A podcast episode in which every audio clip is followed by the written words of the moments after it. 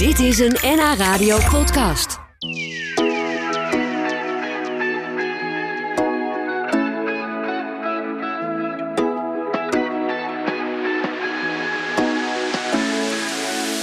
Nederland staat al eeuwenlang over de hele wereld bekend als kaasland. Het land van de kaaskoppen, met Alkmaar als de kaasstad. Maar hoe komt het toch dat de kaas zo'n stempel heeft gedrukt op onze Nederlandse identiteit? We gaan het horen van Marieke Hendriksen. Die heeft samen met haar collega's van de onderzoeksgroep NL Lab in de geschiedenis is ze gedoken van eh, kaas in ons land. En hebben ze samen een boek geschreven dat heet Kaas is NL. Maar wel met een kritisch vraagteken erachter. Want zo zeker is dat niet dat Nederland gelijk staat aan kaas en kaas gelijk aan Nederland. Leuk dat je er bent vandaag, Marieke. Welkom. Dankjewel. Ja, eigenlijk is het ook best wel gek uh, hoe de kaas onze nationale identiteit min of meer bepaalt. Want Zeker. bijvoorbeeld de Fransen, die weten ook wel weg met een uh, mooi kaasje maken. De Brie, Absoluut. Le Camembert.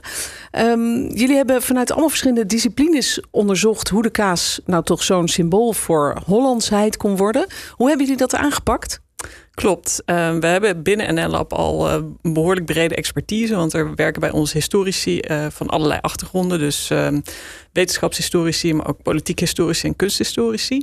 En dat NL-lab is een soort onderzoeksgroep, hè? Ja, klopt. Daar werken allemaal mensen samen. Ja, precies. Wij zijn echt een, een geesteswetenschappelijk lab. Uh, dus niet een, een, lab in de traditionele zin. Um, maar naast historici werken er bij ons bijvoorbeeld ook uh, religiewetenschappers, antropologen, taalkundigen. Um, en door al die invalshoeken te combineren, kunnen we op een heel andere manier naar um, cultuurhistorische onderwerpen kijken dan, uh, dan we normaal zouden doen. Ja, want je kijkt naar de taal, de woorden, maar ook naar de geschiedenis, de beelden. Uh, eigenlijk vanuit uh, alle invalshoeken. Uh, daar hebben jullie een, een, mooi boek over geschreven. Een dik boek met ook heel veel leuke illustraties, foto's, maar ook tekeningen, schilderijen van vroeger. Oude recepten. Er staat van alles en nog wat Klopt. in. Ja. Um, soms ook wel kritische verhalen over kaas. En, en hoezo is dat onze identiteit? En dat begint al met de boterham met Beemsterkaas die de KLM serveert als je met ze vliegt. Klopt. Want daar hoort een heel verhaal omheen van de KLM, hoe typisch Hollands dat is, met happy koeien en uh, ambachtelijke traditie. Maar eigenlijk zijn jullie daar een beetje ingedoken. En, en is dat toch niet helemaal zoals ze het voorstellen? Hè? Nee, althans, um, het, het, is een ideaalbeeld dat daar neergezet wordt. En um, het is eigenlijk heel makkelijk om erachter te komen hoe dat nou precies in elkaar steekt. Want als je bijvoorbeeld naar de website van Beemster Kaas gaat, dan uh, kun je ook zien dat dat gewoon een gigantisch bedrijf is waar echt miljoenen kilo's kaas per jaar worden geproduceerd. Um, en het grootste deel daarvan wordt helemaal niet plakjes kaas voor op je boterham, maar bijvoorbeeld uh, kaaspoeder voor uh, de voedingsindustrie. Ah ja. En ja. Um, daar doen ze ook helemaal niet geheimzinnig over op die website. Is ook helemaal geen schande op zich. Is ook toch? geen schande, nee. maar het is wel grappig natuurlijk dat het zo'n contrast vormt met het verhaal op zo'n uh, KLM-boterham.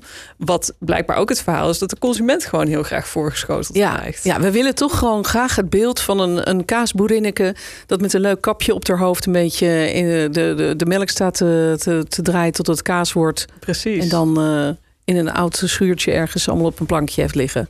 Ja, dat, dat soort beelden. En ook bijvoorbeeld het beeld van, uh, van die zwart-wit gevlekte koeien in een uh, groen weiland onder een strakke blauwe lucht. Dat is graag hoe we de uh, zuivelindustrie in Nederland zien. Terwijl het eigenlijk natuurlijk toch gewoon echt industrie is. Ja, en heel veel koeien nooit buiten komen. Ook dat. Ja, nou het zijn er steeds minder trouwens, hè, die nooit buiten komen, Klopt, begrijp ik. Ja. Dat is wel zo. Dus dat, dat Nederlands gevoel komt wel weer een beetje terug van een koetje in de wei. Maar dat landschap heeft dus ook vorm gekregen via de kaas, schrijven jullie in het Ja. uh, boek. Want wij, wij, wij stonden dus blijkbaar al, al heel lang geleden, al eeuwen geleden onbekend, dat we zo, zulke bizarre hoeveelheden kaas en boter maakten. Klopt. En voor een deel heeft dat ook te maken met de ontstaansgeschiedenis van Nederland, het Nederlandse landschap. Um, toen de polders werden drooggemaakt vanaf de 17e eeuw, ontstond er een heleboel uh, landbouwgrond. Maar dat was uh, vooral in het begin relatief arme landbouwgrond. Dus het was niet zo heel erg geschikt om uh, bijvoorbeeld graangewassen op te verbouwen. Maar wel als grasland uh, waarop je um, melkvee kon laten grazen. En dat zorgde ervoor dat er een enorme zuivelproductie ontstond. Toen al? Toen al, inderdaad. Maar al die zuivel um, is natuurlijk... Ja, melk is lastig te bewaren. Maar als je daar harde kaas van maakt en boter... dan wordt het al iets eenvoudiger. En uh, daardoor zie je eigenlijk al in de 17e en de 18e eeuw dat er op kaasmarkten in uh, heel bekende plaatsen, natuurlijk zoals Gouda en Edam en Leiden, dat er echt al honderdduizenden kilo's kaas per jaar worden verkocht, waarvan ook een heel groot deel naar het buitenland wordt geëxporteerd. Toen al? Ja. Wat grappig. Ja. ja. En ik zag bijvoorbeeld in, alleen al in Assen-Delft waren er 4000 koeien. Klopt. Terwijl Assen-Delft, ja. daar woonden toen misschien 40 mensen, bij wijze van spreken. Ja, precies. Dat was een piepklein dorpje. Ja. ja. Ja, wat, uh, wat bijzonder inderdaad. En dat is nog steeds natuurlijk zo. Wij nemen nog steeds, denk ik, een heel uh, uh, grote positie, hoge positie in als het gaat om de export, toch? Van de zuivelproductie. Klopt, we exporteren nog steeds heel veel zuivel. Ja, ja dus dat is niet echt veranderd. Um, je kunt je inmiddels wel afvragen hoe wijs dat is. we hebben natuurlijk de discussies gehoord de afgelopen jaren over de stikstof en, en noem maar op allemaal. gaat het in jullie boek ook daarover? Voor een deel wel. Er staan bijvoorbeeld ook stukken van antropologen in het boek. Um, die veel meer kijken naar hedendaagse voedselsystemen. En hoe we met dieren omgaan daarin. Um, en die, die kaarten ook wel aan. Bijvoorbeeld Else Vogel die laat dat heel mooi zien. van wat er nou eigenlijk problematisch is aan de huidige zuivelproductie. Maar tegelijkertijd signaleert zij ook. Hè, van ik, ik hou ook van kaas. Ik wil kaas blijven eten. Ja, tuurlijk. En we dus, willen melk drinken en yoghurt eten. Precies. Dus Ja. de, de, dat, dat vind ik heel mooi dat zij dat eh, zo helder weergeeft. Dat er bij ons allemaal, denk ik, een bepaalde cognitieve dissonantie zit. Wacht even, dat woord is een beetje. Dit, dit bege- is een beetje ingewikkeld. Sorry. Cognitieve. Cognitieve dissonantie. dissonantie, Dus dat wat we eigenlijk wel weten dat bepaalde aspecten van hoe we dat eten produceren, dat dat problematisch is. Maar tegelijkertijd willen we eigenlijk ons eigen gedrag niet aanpassen. Struisvogelgedrag noemen we dat toch? Een beetje ja. in het zand. Ja. En we- ja. Ja, Ja. Nou ja, goed, misschien dat het ook wel zo is dat als je op een andere manier die, die hele eh veeteelt zou inrichten, dat het ook wel mogelijk is om gewoon lekker kaas en, en melk te blijven eh, consumeren. wellicht. Ja, Ja. ja. maar Ja. dat is inderdaad natuurlijk een vraag die wij als geesteswetenschappers dan weer Nee, minder goed kunnen beantwoorden. Zo is het ook. Nee, Ja. dit is niet een boek dat, dat per se kijkt naar hoe gaan we het in de toekomst oplossen. Jullie kijken heel erg naar, ja, hoe is het nou zo gekomen dat kaas een symbool is geworden eigenlijk voor ons land. En dat we zo onlosmakelijk met elkaar verbonden zijn. Precies. Eh, terwijl er natuurlijk heel veel andere landen ook zijn die, die lekkere kazen maken, toch? Zoals Absoluut. Frankrijk noemde ik net al, maar Italië ook. Zeker. Ja, we pakken eigenlijk het symbool uit en hopen daarmee een voorzet te doen. ehm, voor de mensen die eigenlijk de, de veranderingen moeten ontwerpen. Omdat we denken dat het heel belangrijk is ehm, dat als je dat soort processen in gang wil zetten, dat je je ook bewust bent van die geschiedenis. En hoe het dus zo gekomen is dat wij graag een zwart-wit gevlekte koe in een groene weide zien. Ja, Ehm, dat, dat is namelijk ook toch voor een deel eh, cultureel erfgoed, maar er zit ook een, een ideaalbeeld achter. En eh, met dat soort dingen, met emoties, heb je wel ook rekening te houden als je praktische veranderingen wil doorvoeren. Dus ik denk dat dat de, het belang is van dit soort onderzoek. Ehm, dat Ja. je de geschiedenis en de emoties die er omheen zitten, ehm, eigenlijk ontleedt en laat zien hoe dat in elkaar zit. hoe het zo gekomen is. Ja. In het boek staan allemaal leuke plaatjes, eh, wetenschappelijke verhandelingen, wetenswaardigheden, foto's van kaasmarkten, maar ook eh, afbeeldingen van, van heel lang geleden.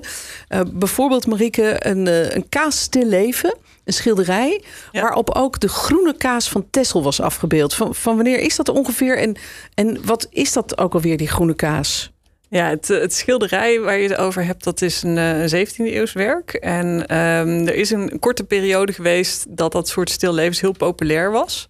Ehm, de, de groene kaas die we daarop afgebeeld zien. En dit hoofdstuk is geschreven door Sanne Steen. Zij is kunsthistoricus.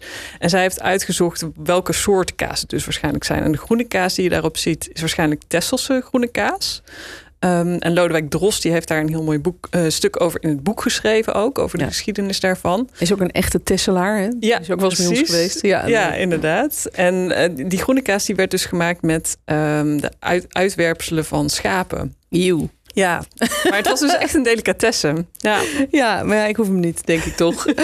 ja, dat zou nu helemaal niet meer mogen, toch? Of, of komt die groene kaas terug? Want ik, ik las ook een, dat er een Michelin-kok is die zei... die kaas, die groene kaas, dus met, Ja. met die uitwerpselen erin... die maakt van mijn mond een flipperkast vol smaaksensaties. De caviar onder de kazen is het. Ja, het schijnt heel bijzonder te zijn. Ik heb het zelf ook nooit geproefd. Want volgens de Nederlandse warenwet en de Europese voedselwetgeving mag dat niet gemaakt worden. Nee, kaas met nee. uitwerpselen doorheen. Maar ja, dan, je kunt mensen natuurlijk niet eh, weerhouden daarvan om dat zelf thuis te doen als ze dat willen. Je bent uh, verantwoordelijk voor wat je in je eigen mond stopt. Dus um, en deze chef die uh, heeft dat blijkbaar uh, dus geproefd en uh, is daar heel enthousiast over. Dus wie weet kan er op grond van het historisch belang een ontheffing komen of zo. zou je hem eten? Ik zou wel willen proeven, ja. Ja, ja. puur uit nieuwsgierigheid. Ja, precies, ja. Het gaat in het boek ook over de verdeling man-vrouw. Want kaas maken was eeuwenlang een soort vrouwentaak. Dat deden ze erbij. Naast de was, dan gingen ze ook nog even kaas maken. Maar dat, dat is op een gegeven moment wel veranderd. Hoe, hoe is dat gekomen? Ja, dat is eigenlijk met de industrialisering van um, uh, het zuivelbedrijf um, vanaf het begin van de 19e eeuw. Um, verschoven. Toen ontstonden de eerste coöperaties, uh, waardoor boeren dus niet meer op de boerderij hun eigen melk gingen verwerken tot zuivel. En dat was eigenlijk de taak van de vrouwen. De mannen zorgden voor het vee en de vrouwen maakten de kaas uh, en de boter. En met het verschuiven naar die coöperaties werd dat steeds meer um, een mannentaak. Ah, Mensen gingen uh, dus buiten de deur werken op zo'n coöperatiefabriek en daar zuivel produceren. Ja, dat is veranderd. Uh, de, de, de marketing van de kaas is ook veranderd. Daarbij werden trouwens volop vrouwen uh, ingezet, vroeger en nu. We, we, zagen net al, die, we hadden net al over die schilderijen. Dat ja. waren drie vrouwen die uh, geportretteerd zijn in de 17e eeuw met grote kazen in hun handen. Ja, en, en, later kreeg natuurlijk vrouw Antje, die in Duitsland een beetje de kaas moest verkopen. Maar ook in Volendam, hè, daar had je ook de, de dames van de kazen. Ja, sowieso is vrouw Antje natuurlijk een, een interessant verhaal. Uh, omdat dat uh, de klederdracht die zij aan heeft eigenlijk weinig met kaas te maken heeft. Ja. Um, als ik het goed heb begrepen, is het een soort van Urker vissersdracht wat ze aan heeft. Ja, um, ja met zo'n kap met ja, die, inderdaad. van die. Ja, ja, maar goed, dat, dat geeft ook wel weer aan dat uh, beeldvorming in marketing vaak veel belangrijker is dan uh, het daadwerkelijke verhaal. Ja, ja, goed. Er staan nog veel meer verhalen in uh, over uh, bijvoorbeeld uh, koeien die hun kalfjes moeten afstaan om maar melk te blijven geven. Ja. een kritisch verhaal ook aan wetenschappelijke racisme, omdat kaas en melk zouden staan voor een sterker Arisch ras. Nou, dat, dat is weer een heel verhaal apart. Maar Klopt. het is echt een boek dat vanaf alle kanten dus kijkt naar kaas en, en onze ja. verhouding met kaas door de eeuwen heen. Um, als je het nu de conclusie moet trekken, um, de kaas als symbool voor ons land. Is, is, is dat een toekomstbestendig symbool? Of, of kunnen we ons beter op windmolens en klompen gaan richten? Nou, ik denk dat het wel een toekomstbestendig symbool kan zijn. Um, maar dan is het wel van belang dat we kritisch gaan nadenken over hoe we kaas maken en consumeren. Oké, okay. nou het, het hele verhaal, alle verhalen zijn te lezen in het boek Kaas is NL over melk, koe, ras, kolonie, taalkunst, mest en meer. Dat is de volledige titel van het boek geschreven door onder andere Marike Hendriksen en zij was vandaag bij ons te gast. Dit was een NH Radio podcast. Voor meer ga naar nhradio.nl. NH Radio